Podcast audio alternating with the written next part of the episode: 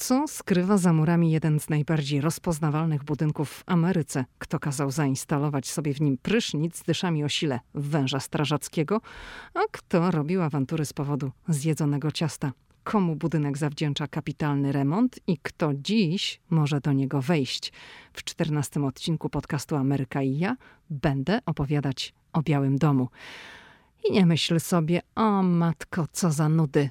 Naprawdę nie zamierzam przynudzać, zamierzam sypać ciekawostkami, anegdotami i faktami. I mam nadzieję, że po wysłuchaniu tego odcinka pomyślisz sobie, szkoda, że się skończył. Lidia Krawczuk. Ameryka i ja. Halo, halo, dzień dobry. Z Waszyngtonu to już czternasty odcinek podcastu Ameryka i ja i nowa recenzja pojawiła się w iTunes i oczywiście, że ją przeczytam. To uwaga, Rewelacyjny podcast, blog Ameryka i ja śledziłem już od dłuższego czasu, a na podcasty trafiłem przypadkowo. Przy słuchaniu nagrań autorki podczas drogi do pracy, co chwilę wyobrażam sobie, że jestem na ulicy w Nowym Jorku albo w parku w Chicago. Super, to mało powiedziane. Dzięki tym nagraniom mam namiastkę Ameryki w Polsce. Polecam, napisał Mr. Kamil. Bardzo dziękuję za taką świetną recenzję. Jeśli Tobie również podoba się podcast, to napisz o tym, dodaj recenzję do iTunes albo tam, gdzie słuchasz mojego podcastu. Daj mi znać. Dla mnie to sygnał, że idę w dobrym kierunku. Ok, mm, dlaczego dziś postanowiłam poopowiadać trochę o Białym Domu? Ponieważ po pierwsze uważam, że to bardzo ciekawe, a po drugie, drugi odcinek podcastu o Jackie Kennedy, w którym również opowiadałam trochę o Białym Domu, spotkał się no, z bardzo fajnym odzewem. Dostałam po tym odcinku na Instagramie dużo wiadomości i one były wszystkie typu wow, ale to wszystko było ciekawe. Nawet do mnie napisała jedna dziewczyna, kobieta, ona jest e, ze Szczecina, tak samo jak ja, my się nie znamy, która przyznała wprost, cytuję, słuchałam z otwartą paszczą bardzo mnie rozbawiła tą paszczą. No ale o to mi chodzi. Chcę, żeby moje podcasty były ciekawe. I dzisiejszy też taki będzie, mam nadzieję. Zatem do rzeczy przechodzimy do opowieści na temat Białego Domu. Biały Dom to miejsce pracy i miejsce zamieszkania prezydenta USA i możliwe jest jego zwiedzanie. Co roku odwiedza go kilkadziesiąt tysięcy gości w ramach bezpłatnych wycieczek, ale w podcaście nie będę mówiła na temat zwiedzania Białego Domu. Jeśli chcesz go zobaczyć lub wybierasz się do Waszyngtonu i masz takie plany, to na moim blogu Ameryka i ja jest cały tekst na ten temat pod tytułem Zwiedzanie Białego Domu. Jest dużo zdjęć, wszystko to jest opisane, wszystko to można zobaczyć, więc jeżeli Cię interesuje zwiedzanie samych wnętrz Białego Domu, to zachęcam do zajrzenia do tego tekstu i tyle jest w tym temacie teraz.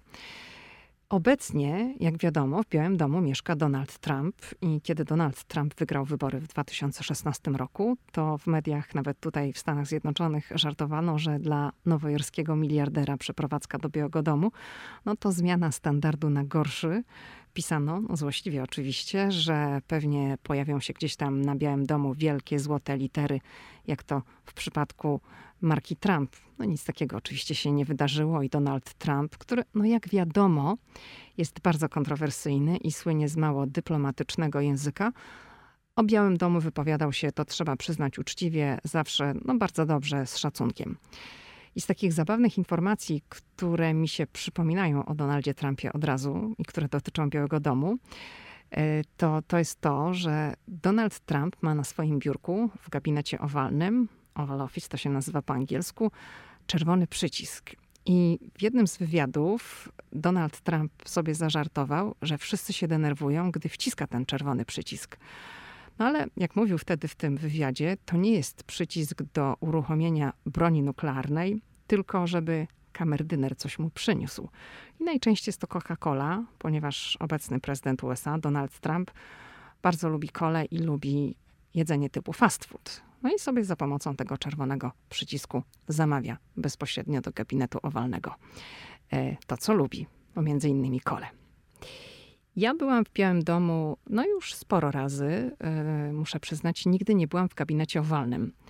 Oval Office, gabinet owalny, to jest to pomieszczenie, w którym na co dzień urzęduje amerykański prezydent I ten pokój znajduje się w zachodnim skrzydle głównego budynku, bo trzeba pamiętać, że Biały Dom to jest kompleks. To nie jest ten jeden główny budynek, który no na pewno kojarzysz gdzieś tam zdjęć w internecie, czy z filmów, czy z programów informacyjnych. Także to nie jest tylko ten biały budynek. To również dwa dobudowane skrzydła zachodnie, i to jest to skrzydło zajmowane przez prezydenta i jego personel, oraz wschodnie. I we wschodnim skrzydle ma swoje biuro pierwsza dama i jej personel. Ale wracając do gabinetu owalnego. Z ulicy nie zobaczy się gabinetu owalnego, on jest zasłonięty. No i ten gabinet owalny, do którego zapraszani są dygnitarze, dyplomaci, goście, na pewno, być może, może nie na pewno, ale być może kojarzysz zdjęcia na przykład polskiego obecnego prezydenta Andrzeja Dudy, czy poprzedniego Bronisława Komorowskiego, którzy byli na spotkaniach w Białym Domu i wtedy y, pozowali. No, Bronisław Komorowski z Barackiem Obamą, teraz Andrzej Duda z Donaldem Trumpem. I gabinet owalny robi ponoć na wielu osobach tak wielkie wrażenie, że te osoby dostają w nim syndromu Brada Pitta. Cóż to znaczy? Co to jest syndrom Brada Pitta? No, opisała go w książce The Obama z Jodie Cantor, to jest publicystka The New York Times. I ludzie, tak jak ten słynny hollywoodzki aktor, nie są w stanie w gabinecie owalnym podobno wydusić słowa. A kiedy już próbują coś powiedzieć, to zbija ich z tropu własny głos, bo tam są zaokrąglone ściany, tak? czyli gabinet owalny. I ten głos z powodu tych zaokrąglonych ścian brzmi nieco inaczej. I aktor, Brad Pitt, ponoć na spotkaniu z Barackiem Obamą nie był w stanie prowadzić normalnej konwersacji. Tak był przytłoczony tym wszystkim, tym, że jest w gabinecie owalnym. I każdy prezydent urządza sobie gabinet owalny tak, jak mu się podoba. Stały element to jest e, biurko, takie słynne, które na pewno też być może kojarzysz ze zdjęć. I to biurko liczy sobie ponad 130 lat. W gabinecie owalnym, jak się zmienia prezydent, no to zmieniają się dywany, kanapy, mogą się zmieniać krzesła, kolory ścian i zasłon. Zmieniają się też obrazy na ścianach, które są często wypożyczane z muzeów. To jest takie w Waszyngtonie charakterystyczne, że do Białego Domu wypożycza się niektóre dzieła sztuki i one pojawiają się właśnie w gabinecie owalnym, ale również na terenie prywatnej tej części rezydencji, w której mieszka prezydent Stanów Zjednoczonych wraz z rodziną. Tam również pojawiają się wypożyczane z muzeów dzieła sztuki. W gabinecie owalnym są cztery pary drzwi. I jedne z tych drzwi prowadzą do ogrodu różanego.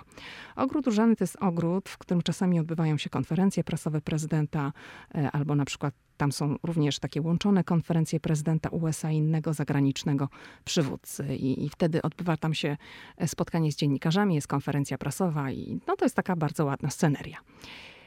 Ponad 100 lat temu, przed 1902 rokiem, w miejscu, gdzie dziś znajduje się Rose Garden, czyli ogród różany, mieściły się stajnie. Tak, tak. To były czasy, kiedy jeszcze nikt nie słyszał o gabinecie owalnym. I podczas remontu Białego Domu za czasów prezydenta Roosevelta, ówczesna pierwsza dama Edith nalegała, żeby założyć ogród. I takie to były początki. W 1961 roku w Białym Domu zamieszkała Jackie Kennedy. Mówiłam o tym w drugim odcinku podcastu o Jackie Kennedy. No i wtedy wszystko się zmieniło i sam Biały Dom, i, i zieleń dookoła. Jacqueline Kennedy no, była tą osobą, która wpadła na pomysł, żeby ten ogród przy Białym Domu uczynić pięknym, żeby tam posadzić róże, inne rodzaje kwiatów, kwitnące krzewy, no, żeby tam było po prostu wspaniale. Ten ogród nie jest może jakiś duży, tak dokładnie jak sprawdziłam, jaka jest jego powierzchnia, no to wychodzi na to, że to jest 38 na 18 metrów. W środku, a może na samym środku, powinnam powiedzieć, na środku rośnie trawa i to właśnie tu odbywają się konferencje prasowe, oficjalne spotkania. A oprócz róż rosną tutaj również na przykład na wiosnę tulipany, ponad 30 gatunków. I później na przełomie lata, jesieni te trawy otaczają połacie lawendy i one są posadzone w kształcie rąbów. Po angielsku to się mówi, że to jest diamond shape, no ale to są rąby. I tego ogrodu nie widać od ulicy, nie zobaczy się też go przez płot, ale dwa razy w roku, na wiosnę i jesienią, do ogrodu wpuszczani są wszyscy, tak zwani zwykli ludzie, każdy może wejść, nawet turysta, który akurat wtedy przebywa w Waszyngtonie, ale trzeba mieć wejściówkę. I zdobycie takiej darmowej wejściówki nie jest trudne. One są rozdawane na zasadzie kto pierwszy, ten lepszy. No i oczywiście trzeba mieć szczęście, bo te wejściówki rozchodzą się błyskawicznie, ale to nie jest problem. Jak jest się we właściwym miejscu o właściwej godzinie, to można taką darmową wejściówkę dostać. Ja byłam kilka ładnych razy na takich wycieczkach po ogrodach Białego Domu i wiosną, i jesienią. W tym roku nie byłam, chociaż ona była tydzień albo dwa tygodnie temu. Nie byłam dlatego, że padał deszcz i raz wybraliśmy się z mężem i synem na taką wycieczkę w czasie deszczu. No i tym razem uznaliśmy, że, że drugi raz podczas deszczu to już nie idziemy. Ale wycieczka jest bardzo fajna, można zrobić ładne zdjęcia i zobaczyć ogrody Białego Domu z bliska.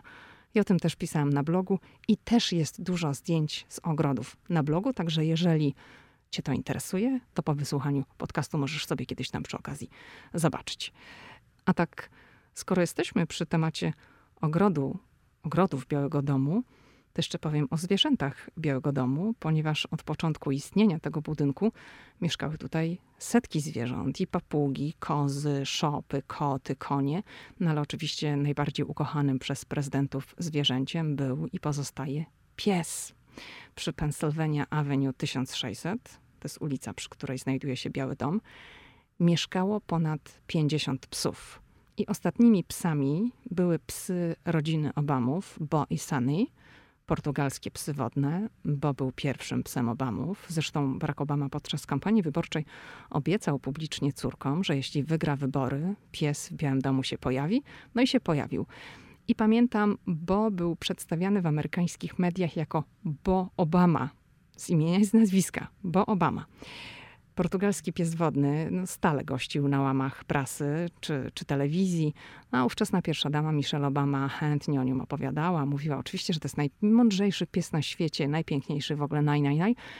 I nawet nazywała go pieszczotliwie publicznie swoim synem, swoim synkiem. Bo miał bardzo napięty harmonogram. Był używany w kampaniach promocyjnych Białego Domu przy okazji świąt, różnych wydarzeń. I Michelle Obama żartowała nawet w wywiadach, że chyba musi mu zatrudnić agenta, bo on jest taki zajęty. I to wcale nie byłoby może takie dziwne, gdyby tak się stało, bo na przykład Fala, szkocki terrier Franklina Roosevelta, miał swojego, no powiedzmy, rzecznika prasowego, czyli osobę, która udzielała informacji na temat tego psa. Bo fala była tak popularna i wzbudzała taką ciekawość, że no, ludzie chcieli dużo o niej wiedzieć, bo fala towarzyszyła prezydentowi Rooseveltowi w wielu wydarzeniach. I ten pies jest nawet upamiętniony w Waszyngtonie. I to jest jak dotąd jedyny prezydencki pies, który doczekał się takiego honoru. W parku dedykowanym prezydentowi Franklinowi Delano Rooseveltowi znajduje się posąg prezydenta. Prezydent e, siedzi na krześle. Posąg tak wygląda, że prezydent siedzi na krześle i ma na sobie taką wielką, ogromną pelerynę, która zasłania mu nogi i krzesło. I zaraz powiem dlaczego. A obok siedzi Fala, ten słynny i ukochany pies Roosevelta. To miejsce dedykowane Franklinowi Delano Rooseveltowi znajduje się przy Tidal Basin. To jest taki sztuczny zbiornik wodny, przy którym rosną tysiące wiśniowych drzew i wiosną jest tam po prostu przepięknie. Ludzie przyjeżdżają specjalnie do Waszyngtonu, żeby te drzewa kwitnące na różowo zobaczyć. Miejsce dedykowane Franklinowi Delano Rooseveltowi, to jest właściwie cały teren parkowy, ponieważ prezydent Roosevelt nie jest upamiętniony tym jednym posągiem, o którym wspomniałam, czy tam budowlą z popiersiem. Na koncepcję tego miejsca składa się wiele elementów. To są kamienne tablice z cytatami, fontanny, wspomniany posąg prezydenta z psem. Czy w końcu posąg Roosevelta na wózku dla osób niepełnosprawnych. Prezydent Roosevelt był bowiem niepełnosprawny. I ten projekt Roosevelta z peleryną, o której mówiłam przed chwilą, na krześle, a obok pies, wzbudzał ogromne kontrowersje. Za życia Roosevelta nie pokazywano bowiem na wózku, no, ukrywano jego niepełnosprawność.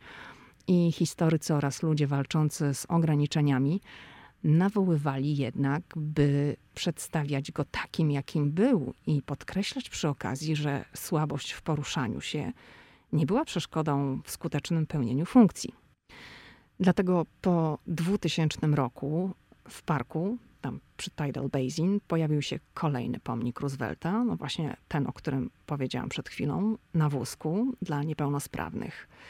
Także jeżeli kiedyś być może będziesz w Waszyngtonie, to koniecznie zrób sobie spacer wokół Tidal Basin i zobaczysz między innymi pomnik prezydenta Roosevelta i psa, Fala. Tak się wabił ten pies. To był pies prezydenta Roosevelta, jedyny upamiętniony do tej pory w Waszyngtonie. No ale jeszcze wróćmy do, do innych zwierząt, które mieszkały w Białym Domu. George W. Bush, były prezydent USA, też sobie żartował, że jego szkocki terrier Barney jest dla niego jak syn. Czyli tak samo jak Bo dla Michelle Obamy. Pierwszym sfotografowanym psem był pupil prezydenta Lincolna i on się wabił Fido. Od lat zresztą zdjęcia prezydentów z psami. No to jest w Waszyngtonie tradycja. W takiej sytuacji daje się fotografować właściwie każdy prezydent, no poza Donaldem Trumpem, który wyłamał się z tradycji i nie kupił sobie po przeprowadzce do Białego Domu psa. Te zdjęcia, które do tej pory robiono, no to były zdjęcia w Białym Domu albo na trawniku przed, tam na fotografiach prezydent rzuca piłkę albo kij, pies biegnie i przynosi z powrotem tę piłkę czy, czy, czy kija. No i to jest po to, żeby pokazać, że, że prezydent ma psa, ale też, no żeby pokazać, że prezydent jest tak jak każda inna osoba. No chodzi o to, że Amerykanie, Amerykanie kochają w ogóle psy strasznie i traktują je jak swoje dzieci no żeby Amerykanie też się utożsamiali z prezydentem. I to jest bardzo dobre narzędzie marketingowe, no ale Donald Trump do tej pory e, z niego nie skorzystał. E, może jeszcze kiedyś skorzysta, może się pojawi w Białym Domu pies za czasów Donalda Trumpa. W każdym razie niektóre psy były naprawdę, naprawdę wielkimi gwiazdami. I książka napisana Teraz uwaga, wyraz napisana bierzemy w cudzysłów, czyli książka napisana przez spaniela prezydenta Busha seniora sprzedała się ponoć lepiej niż jego własna książka. Tak wyczytałam w amerykańskim internecie. To jest książka z 1982 roku i ją jeszcze ciągle można znaleźć na Amazonie. I jak przygotowywałam sobie notatki do tego podcastu, to tu zacytuję opis tej książki. Brzmiał mniej więcej tak. Pies Bushów, Mili, opisuje dzień z życia George'a Herberta Walkera Busha i jego rodziny, omawia poranne narady, odprawy w gabinecie owalnym i krótkie przerwy, podczas których poluje na wiewiórki. No jak widać, w Ameryce wszystko można sprzedać, to jest tylko kwestia pomysłu. Ta książka była w Stanach Zjednoczonych wielkim hitem. No, to tyle o zwierzętach. Nie, jeszcze, jeszcze jedno, jeszcze była słynna krowa. Krowa mleczna, Paulina, zwana też Miss Wayne. Ta krowa mieszkała w stajni. Tak, tak, bo kiedyś przed Białym Domem była stajnia. Te stajnie rozebrano w 1911 roku. I Paulina była, no to krowa mleczna, czyli Biały Dom korzystał z mleka, które Paulina dostarczała. I to była ostatnia, Paulina była ostatnią żyjącą krową na terenie Białego Domu i to była krowa prezydenta Tafta. Obecnie w Białym Domu, jak mówiłam, zwierząt nie ma. Donald Trump nie ma psa, no ale przecież zawsze może zmienić zdanie. Dobrze, to już teraz kończę temat zwierząt. Zostanę przy Donaldzie Trumpie jeszcze na chwilę, no bo Donald Trump po przeprowadzce do Białego Domu na początku 2017, bo w 2016 wygrał wybory, w styczniu 2017 było zaprzysiężenie i zaraz po zaprzysiężeniu się przeprowadził do Białego Domu, początkowo bez rodziny. Na pewno Donald Trump o wiele swobodniej czuł się w Białym Domu zaraz po przeprowadzce niż jego poprzednik Barack Obama. No wiadomo, Donald Trump jest miliarderem i jest przyzwyczajony do pewnego stylu życia, jaki się z tym wiąże, czyli obsługa, kamerdynerzy, ludzie, którzy za niego wszystko robią, to dla niego jest naturalne. Barack Obama wygrał wybory w 2008 roku i, i pierwszej nocy, kilkanaście godzin po zaprzysiężeniu, no, wydał uroczyste przyjęcie w Białym Domu. No, większość prezydentów tak robi, że najpierw są te oficjalne wszystkie historie, a potem już zaprasza swoje kości do Białego Domu. To już było tylko takie przyjęcie dla najbliższych przyjaciół. No wcześniej nowa pierwsza para, czyli Michelle i Barack Obamowie, wzięli udział, oni wzięli udział w dziesięciu balach na swoją cześć i dziesięć razy tańczyli oczywiście z uśmiechem przyklejonym do twarzy do tej samej piosenki. Wybrali sobie tę piosenkę. To był utwór zatytułowany At Last Etty James i grubo po północy prezydent pożegnał się wtedy już z kośćmi. No i ruszył w kierunku schodów. Ale, jak opisała właśnie Jodie Cantor w książce The Obamas, Barack Obama nie był do końca pewien, gdzie znajduje się jego prywatny apartament. To miała być pierwsza noc w Białym Domu, w którym no, on był teraz szefem i którego kompletnie nie znał. To był dom, który z daleka wydaje się taki niepozorny i mały, no ale jak jest się w środku, to jak się okazuje, można poczuć się jak bezradne dziecko, bo się nie wie, w którą stronę trzeba iść. Ponad dwustuletni Biały Dom, w którym no ja już miałam okazję sporo razy być, no wcale nie jest taki mały, liczy sobie 132 ja mówię pomieszczenia, dlatego że no, to jest oficjalnie podawane, że rooms, pokoje, no ale to są pomieszczenia. I tam jest 35 łazienek. I przy łazienkach chcę się y, na tę chwilę zatrzymać, ponieważ jak myślę łazienka, to od razu przypomina mi się były prezydent Lyndon Johnson i jego słynny prysznic. Prezydent Lyndon Johnson wprowadził się do Białego Domu no dość niespodziewanie po zabójstwie Johna Kennedy'ego w listopadzie 1963 roku. Johnson był do tej pory wiceprezydentem, no ale po śmierci Kennedy'ego został prezydentem Stanów Zjednoczonych. Jak napisała Kate Anderson Brower w książce The Residence, to jest książka, która opowiada o Białym Domu. I ta książka szerokim echem się odbiła w Stanach Zjednoczonych. Lyndon Johnson miał wręcz obsesję na punkcie remontu łazienki w prywatnej części Białego Domu.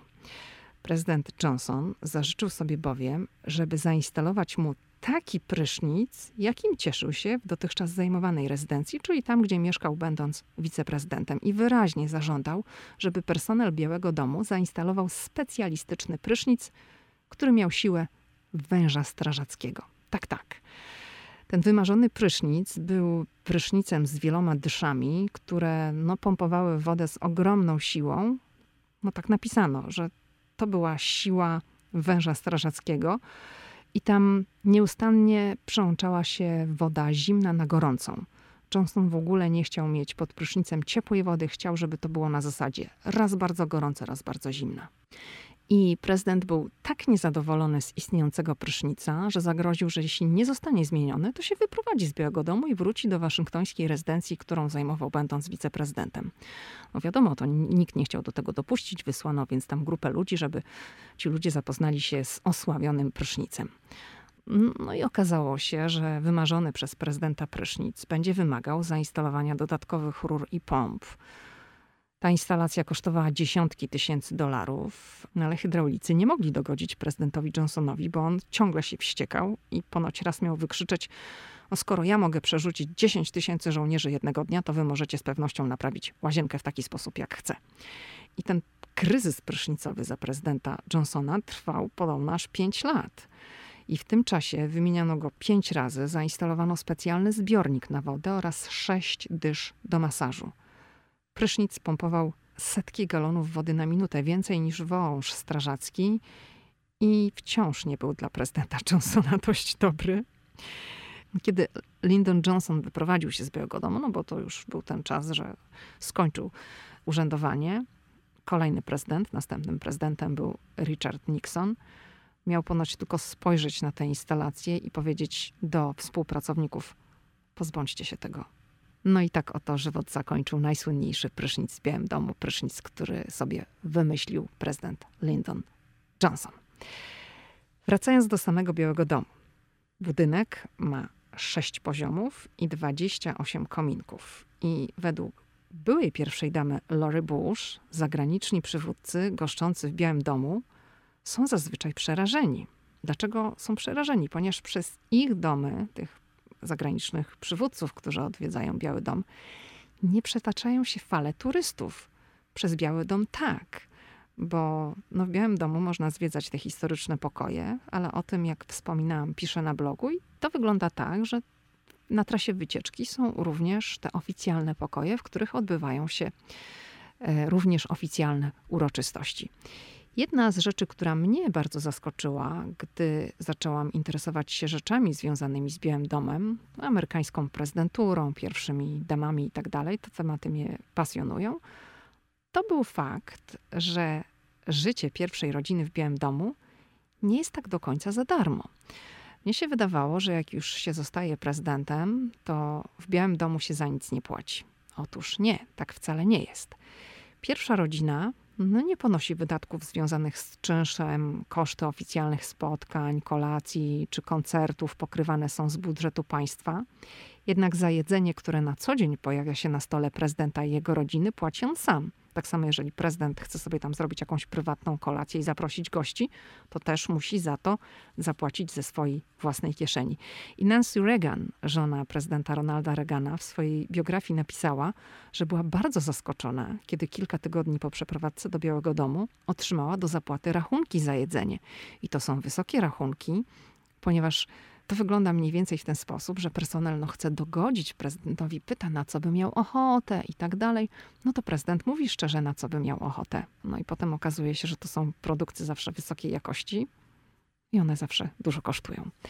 Także to jest takie zaskakujące dla niektórych e, rezydentów Białego Domu, że trzeba za to zapłacić ze swojej własnej kieszeni. Prezydent wykłada też z własnej kieszeni za swoje ubrania i oczywiście ubrania swojej rodziny.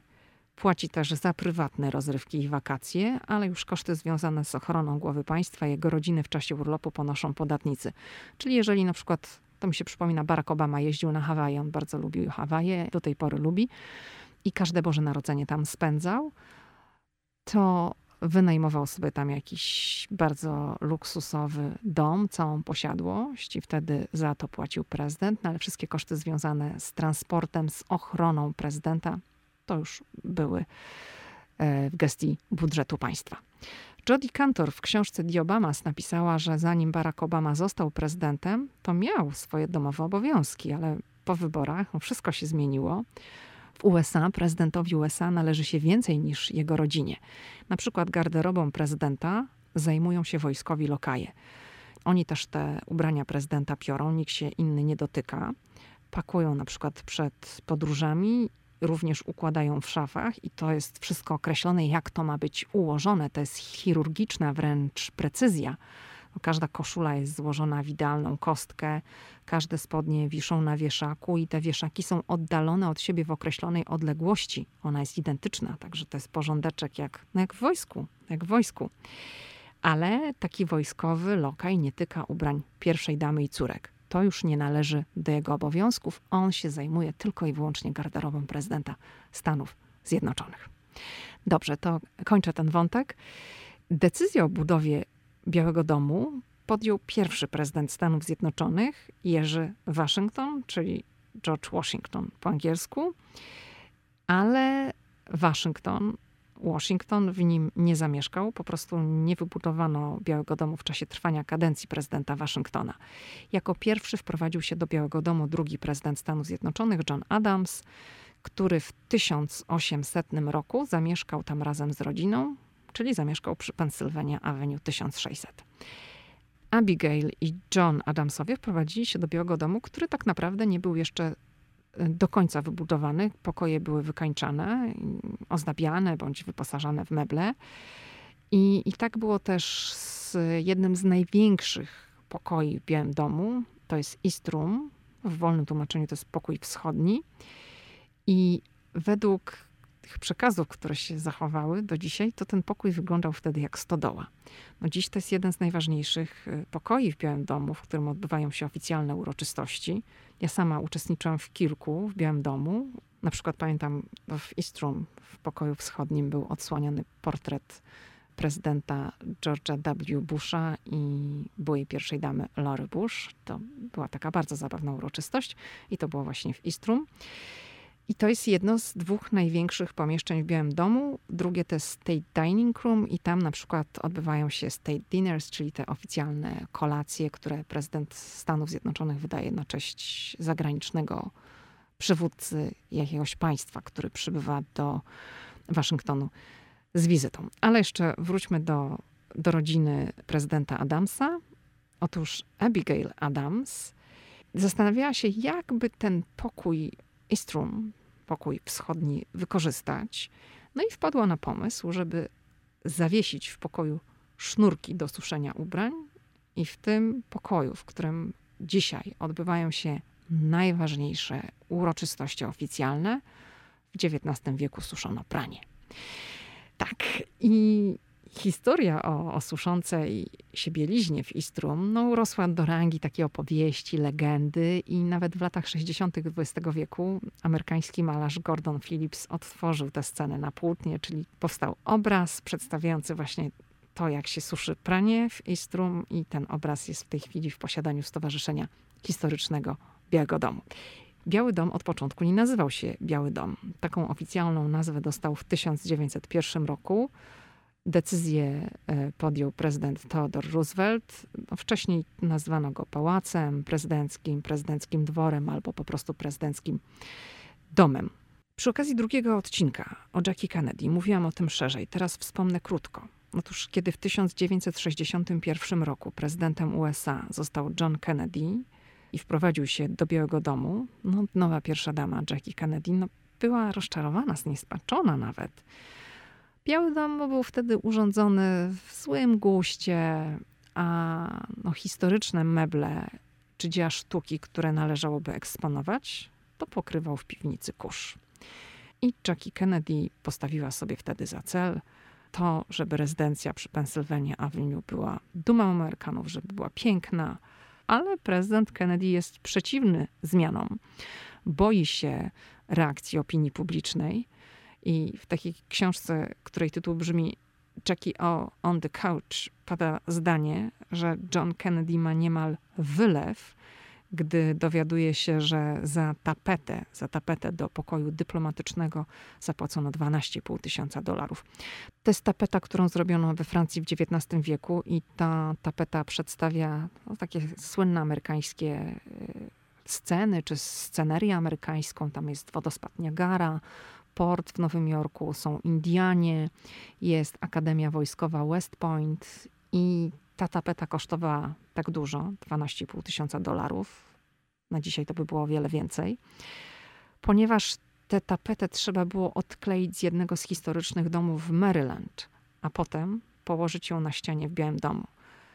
I właśnie dlatego tak dużo to kosztowało. Gdyby wydrukowano nową, i no, zrobiono, inspirowano się tą oryginalną, to kosztowałoby to dużo mniej, no ale Jackie Kennedy nie chciała tutaj żadnych podróbek, falsyfikatów, chciała mieć oryginalne, historyczne rzeczy w Białym Domu.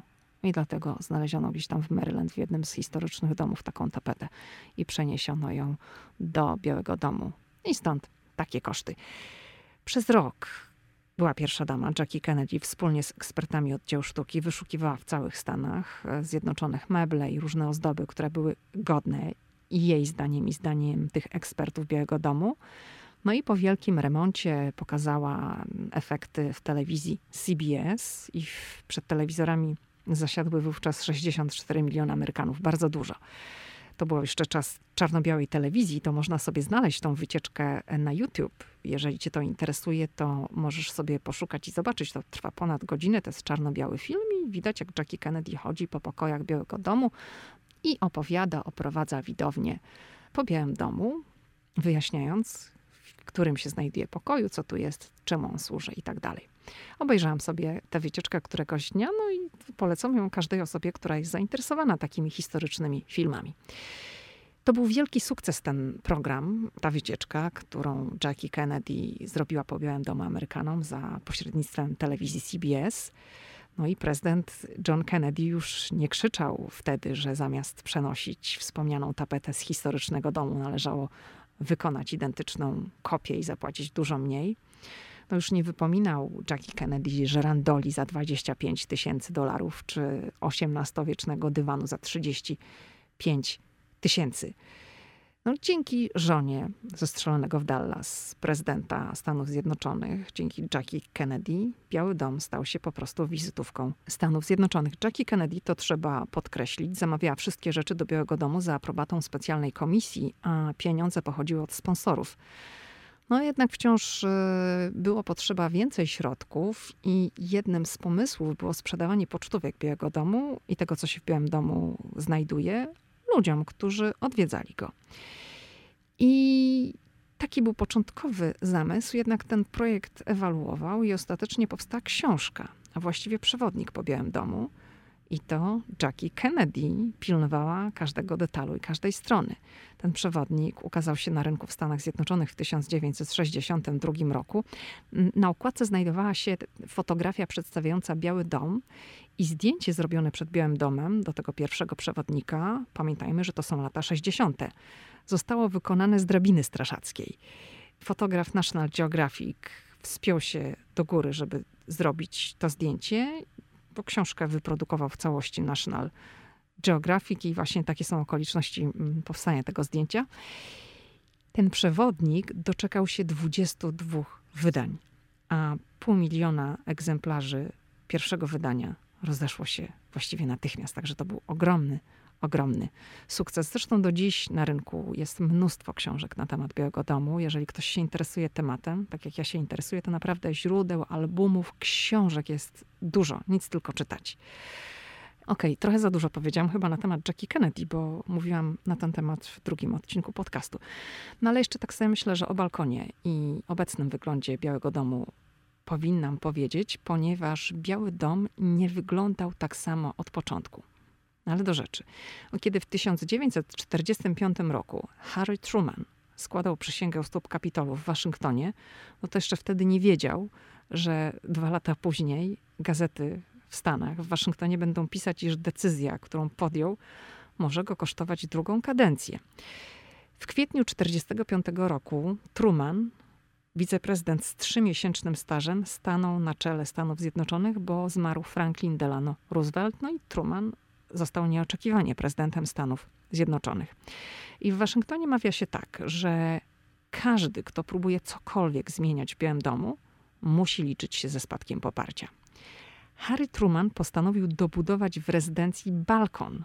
I ten balkon miał powstać nad żółtym pokojem owalnym.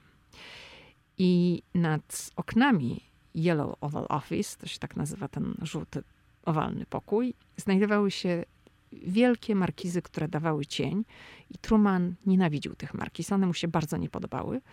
I uważał, że należy dobudować balkon, bo wtedy balkon da upragniony cień. Poza tym uznał też, że rodzinie taki kąt na świeżym powietrzu też się przyda. I od lat zresztą to jest ulubione miejsce od początku amerykańskich prezydentów. Z tego balkonu widać południowy trawnik, e, następnie trawnik za ogrodzeniem Białego Domu, czyli elipsę, monument Waszyngtona. No i także widać Tidal Basin, czyli ten zbiornik, o którym wspominałam i wokół którego znajdują się różne pomniki, między innymi pomnik upamiętniający prezydenta Roosevelta z psem falą. W 1947 roku prasa pisała, że decyzja o budowie balkonu może kosztować prezydenta Trumana drugą kadencję. Rok później nawet ci, którzy krzyczeli najgłośniej, przyznali, że zmiana wyszła na lepsze południowej fasadzie Białego Domu. Truman wygrał kolejne wybory i był prezydentem do 1953 roku i dziś ten balkon oficjalnie nazywa się Truman Balcony. I sygnałem, że na balkonie może być prezydent lub ktoś z jego rodziny jest to, że jak jest się przy Białym Domu, od południowej strony, czyli od strony balkonu, to nagle Secret Service zamyka obszar przed ogrodzeniem i każe ustawiać się ludziom i turystom o wiele, wiele dalej. I czasami to jest właśnie z tego powodu, no nie można podejść do ogrodzenia. Chociaż wiadomo, że to nie zdarza się jakoś bardzo często, bo wiadomo, prezydent za dużo czasu na balkonie nie siedzi, nie ma po prostu na to czasu. No ale jak już sobie y, usiądzie, to ma na co popatrzeć. No, każdy prezydent lubi chyba to miejsce, choć oczywiście każdy lubi co innego. Bill Clinton, to nie wiem, czy lubił siedzieć na balkonie, ale widziałam jego zdjęcia na, na tym balkonie, więc no, pewnie lubił. Ale on lubił co innego. On lubił na przykład jeść. Nie chcę mówić o skandalu z Moniką Luiński, bo to, no to o tym wszyscy wiemy, ale może nie wiemy wszyscy o tym, że Bill Clinton bardzo lubił jeść. I były główny cukiernik Białego Domu napisał książkę e, o latach spędzonych w Białym Domu i to w tej książce wyczytałam, że apetyt Billa Clintona w tamtym okresie był wręcz przerażający. Clinton podobno potrafił zjeść sześć kotletów na raz. Był 42. prezydentem Stanów Zjednoczonych, no i był znany ze swoich wysokokalorycznych przekąsek oraz zamiłowania do słodyczy, ale był pewien problem – Bill Clinton miał alergię na czekoladę i mąkę. I no, robienie deserów dla, dla głównego cukiernika było dużym wyzwaniem, ogromnym powiedziałabym e, wręcz. I Bill Clinton potrafił na przykład wieczorem zjeść pół blachy ciasta, a rano wpadał w szał, dlatego że na przykład nie mógł znaleźć drugiej połowy, bo ktoś inny zjadł. To miała być cała blacha dla niego. I ta fatalna dieta odbiła się bardzo na zdrowiu prezydenta Clintona. I Clinton, no ileś lat później, zmuszony był przejść na weganizm. Ulubionym deserem jego żony za, za czasów, jak mieszkali w Białym Domu, czyli Hillary Clinton, był z kolei tort kawowy. I ten były cukiernik, główny cukiernik Białego Domu w swojej książce napisał, że no w czasie skandalu z Moniką Luiński upiekł bardzo dużo takich tortów dla, dla ówczesnej pierwszej damy. O rany, ale się rozgadałam. To już chyba z 40 minut będzie. Matko, najdłuższy mój podcast w historii podcastowej do tej pory. No to okej, okay, to jest tyle, co tym razem przygotowałam. Mam nadzieję, że to było dla Ciebie ciekawe. Jeśli to było ciekawe, to daj mi znać oczywiście w recenzji, w wiadomości na Instagramie, w komentarzu na Facebooku, jak Ci wygodniej. No chciałabym po prostu wiedzieć, czy podobają Ci się również takie historyczne odcinki, nie tylko odcinki, gdzie mówię o prowadzeniu samochodu, gdzie opowiadam o takim codziennym życiu w Stanach Zjednoczonych, ale również, czy interesują Cię takie również historyczne tematy. Kolejny odcinek podcastu Ameryka i ja, oczywiście w następny wtorek. Do usłyszenia.